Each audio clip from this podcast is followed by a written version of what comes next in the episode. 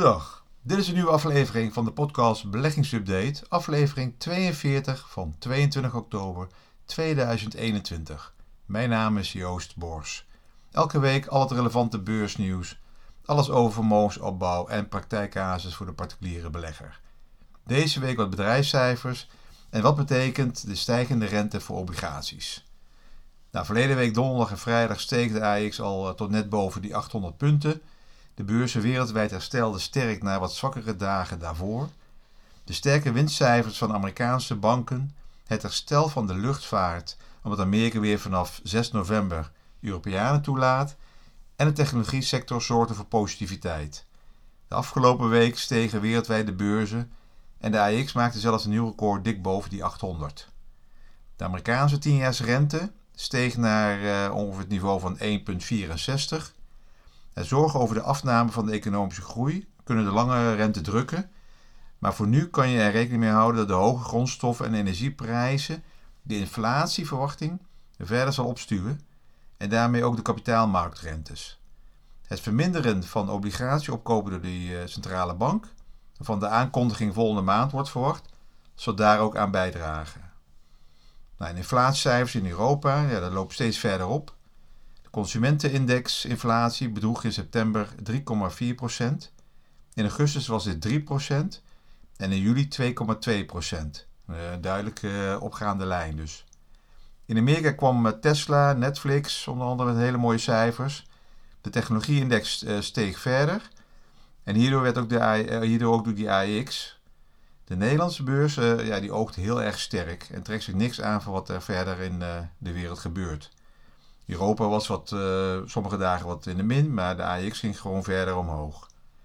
De bedrijfscijfers van Nederlandse bedrijven, de AX, laten nu vaak al zien dat de gestegen grondstofprijzen of tekorten aan basismaterialen invloed hebben op de resultaten.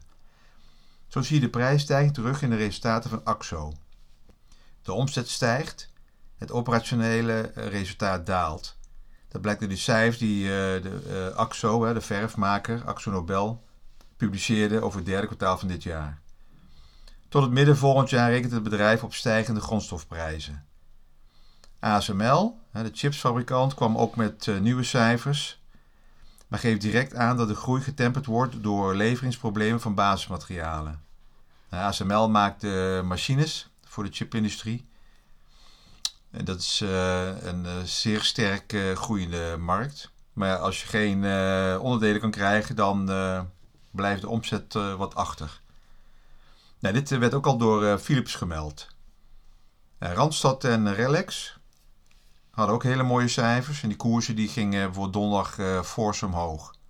Randstad die, zegt dat er inderdaad ook een tekort is aan personeel om te kunnen plaatsen. Dus dat is ook een, een probleem voor de komende 12 maanden. Maar het kan in ieder geval op dit moment allemaal niet op.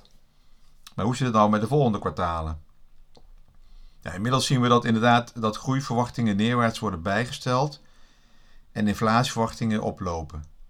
dit heeft uh, toch wel uh, een negatieve invloed op de winstverwachting van een reeks bedrijven voor de komende 12 maanden.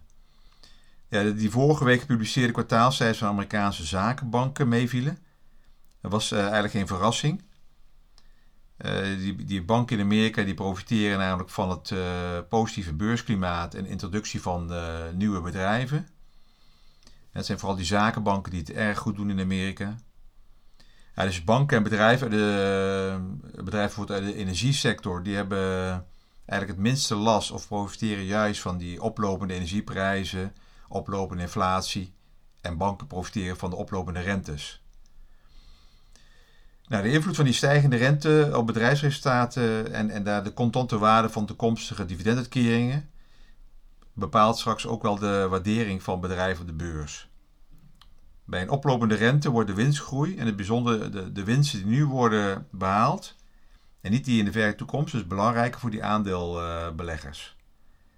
Na het bereiken van een hoogtepunt in het tweede kwartaal zal die winstgroei wat gaan vertragen. Ja, ik lees dat de, dat de groei gemiddeld wel goed zal blijven, maar dat er ook wel wat uh, winstwaarschuwingen zullen gaan komen.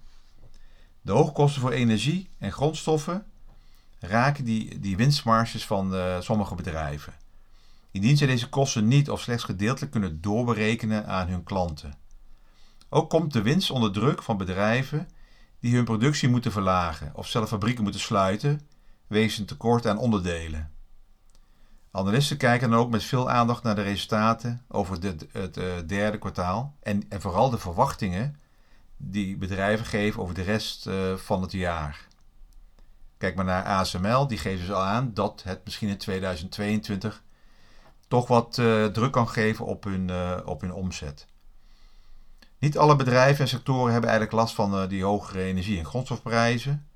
En, en vooral niet de rente. Hè. Mijnbouwbedrijven, oliebedrijven profiteren juist van hogere prijzen. En banken zijn blij met die hoge rentes, want dat is goed voor hun rentemarge. Uh, dat is het verschil tussen die rentes die banken betalen om kapitaal aan te trekken en de rentes die zij in rekening brengen op leningen. Kijk maar naar de ING. Hè. De, je ziet dat als de rente stijgt dat Egon en ING allemaal herstellen. ING uh, richting de 13 euro. Een behoorlijk, uh, in 12 maanden tijd is ING al zo'n 100% gestegen. Een aantal uh, vermogensbeheerders hebben wel die tactische weging van aandelen uh, uit de sector energie en financiële waarde wat verhoogd. Omdat ze er verwachten dat dat toch aandelen zijn die kunnen profiteren van de situatie waar we nu in zitten. Nou, nu even een hele andere beleggingscategorie, obligaties. Eigenlijk zijn obligaties een enorm grote beleggingscategorie en een belangrijke beleggingscategorie maar erg saai. Wat is nou die, die consequentie voor obligaties als die rente gaat stijgen? We lezen nu ook al dat sommige banken de hypotheekrente alvast iets verhogen. En stijgende grondstofprijs zorgen voor oplopende uh, rente. Het rendement van die 10-jarige Nederlandse staatslening is uh, afgelopen week weer boven de nul uitgekomen.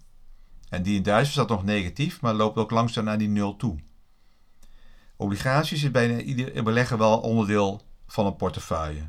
Ja, pensioenfondsen, vermogensbeheerders, die hebben allemaal wel een percentage van het vermogen toebedeeld aan de categorie obligaties. bij particulier heb je, als je in de profielen zit, hè, uh, gematigd offensief tot en met zeer defensief, zitten obligaties, in welke vorm dan ook, in die, in die portefeuille. In het eerste kwartaal dit jaar hebben die obligaties slecht gedaan. Die gingen gemiddeld uh, zo'n rendement van min 2%. Maar de laatste vijf jaar hebben oligarchen het uh, goed gedaan. Eigenlijk heeft deze categorie het op langere termijn, dus als je kijkt naar de laatste 10 jaar, het erg goed gedaan. Dat kwam natuurlijk steeds meer door die dalende rente. De dalende rente zorgt voor stijgende koersen. Dus het rendement kwam uit die koersen. En die obligatierentes zijn al lang tijd extreem laag en dalend geweest. De tienjaarsrente zit al enkele uh, decennia in een dalende trend. En die werd ook versterkt door die uh, financiële crisis in 2008, 2009. En centrale banken hebben sindsdien ook uh, een beleid gevoerd door op grote schaal obligaties te gaan opkopen en hun rente sterk te verlagen. Een soortgelijk scenario vertrok zich vorig jaar ook nog een keer door die corona-uitbraak. Toen deden ze weer nog een extra schepje erbovenop. Nou, dit beleid, met name die, het, kopen van obligaties, heeft die, heeft die marktrentes, de kapitaalmarktrentes, uh, sterk gedrukt. Nou, nu gaat die Amerikaanse centrale bank zeer waarschijnlijk in november of december beginnen met het verminderen van haar obligatieaankopen. Het gedeeltelijk wegvallen van de vraag van deze centrale bank zal bijdragen aan een opwaartse druk op de rentes. Maar niet alleen die, centra die centrale bank gaat, gaat minder simuleren in Amerika, ook de centrale banken van Noorwegen, Nieuw-Zeeland hebben die beleidsrente of de basisrente al wat verhoogd. ook verwachten we dat die, uh, ik denk dat, dat, dat die centrale banken in Europa ook pas ja, volgend jaar minder uh, obligaties gaan opkopen. Europa loopt altijd een beetje wel achter bij uh, Amerika. Ja, wat betekent dat nu voor een obligatieportefeuille, een gedeelte van je portefeuille? Ja, een obli Obligaties hebben bijvoorbeeld een bepaalde looptijd. Een obligatie met een uh, relatief lange looptijd, bijvoorbeeld de 10 jaar, reageert over het algemeen sterker op een wijziging van de marktrente dan een obligatie met een relatief korte looptijd, een korte resterende looptijd.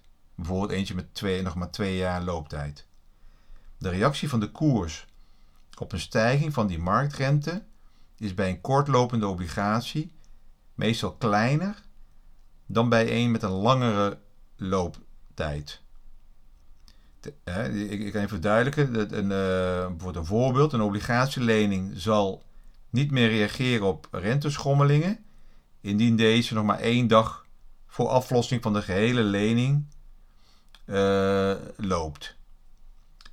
De koers van de obligatie zal uh, onafhankelijk van de rente rond de aflossingskoers noteren. Naarmate die resterende looptijd korter wordt, zal die obligatie uh, immers de neiging hebben om, om terug te keren naar die koers van 100 of wel 100 procent. Dat is de nominale waarde, indien de aflossing uh, tenminste plaats zal vinden tegen deze 100 procent. Ja, in het kort en simpel uitgelegd. Als de rente daalt, stijgen de koersen van langlopende obligaties. Dus nu de rente wat stijgt in de afgelopen drie maanden, dalen de koersen van deze langlopende obligaties. Het rendement van obligaties is de laatste jaren dus veelal bepaald door de waardestijging van het bezit en maar een heel klein gedeelte, of helemaal niet, door de rente couponopbrengst. Ja, obligatie- en rentemarkt zijn een complex geheel en heel divers. Obligaties zijn moeilijker en technischer dan aandelen. Daar hoor je er bijna ook nooit iemand over. Je kan er een aantal podcastafleveringen over maken. Mocht je een deel van je obligatieportefeuille willen beschermen, en daarom vertel ik dit nu uh, ook, dan kan je indien je een langdurige stijging zou verwachten, een deel ruilen naar een fonds of indextrekker die belegt in een kortlopende Europees overheidspapier. Ja, dus je gaat eigenlijk van lang naar wat kortlopende obligaties. Nou, voorbeelden zijn uh, indextrekkers zijn iShares Euro Government Bond 1 tot 3 jaar. Of uh, iShares Short Duration. Duration staat dan voor looptijd. Dus iShares vertaald is dat een indextrekker met een korte looptijd, iShares Short Duration. Corporate bonds, dat zijn bedrijfsleningen. of iShares Inflation Linked Government Bonds. Deze inflation links heb ik uh, ergens in april ook in een podcast uh, gemeld. Inflation linked is zoals de naam aangeeft gekoppeld aan inflatie, hè, inflatiepercentages. Maar ja, je hebt heel veel verschillende vormen daarvan. Bekijk goed wat die voorwaarden zijn. Ja, dit soort producten zijn uh, de laatste zes maanden populair. Hè, die inflation links en die lopen al vooruit op inflatieverwachtingen. Dus het al deel, deels in die koers verwerkt. Die inflation-linked uh, obligaties hebben al een positief rendement laten zien, in tegenstelling tot normale obligatiebeleggingsfondsen. Uh, ja, ik wil eigenlijk alleen maar aangeven dat uh, mocht er een langdurige rentestijging zijn, bijvoorbeeld de komende twee jaar, het misschien een idee is om langlopende obligaties te ruilen voor kortlopende. Of een mix te maken tussen lang en kortlopende je verdient er eh, niks mee, uh, maar je verlies blijft beperkt in de obligaties. Voor dat gedeelte van je portefeuille. Nou, nou nog wat ander nieuws, vooral uit de cryptowereld. Deze waren ook weer actief hè, de afgelopen dagen. Bitcoin is die laatste weken weer wat opgelopen.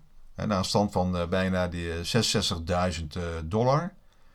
En dit komt onder andere ook doordat steeds meer institutionele beleggers banken en overheden uh, hierin zijn gaan participeren of zich in ieder geval in verdiepen.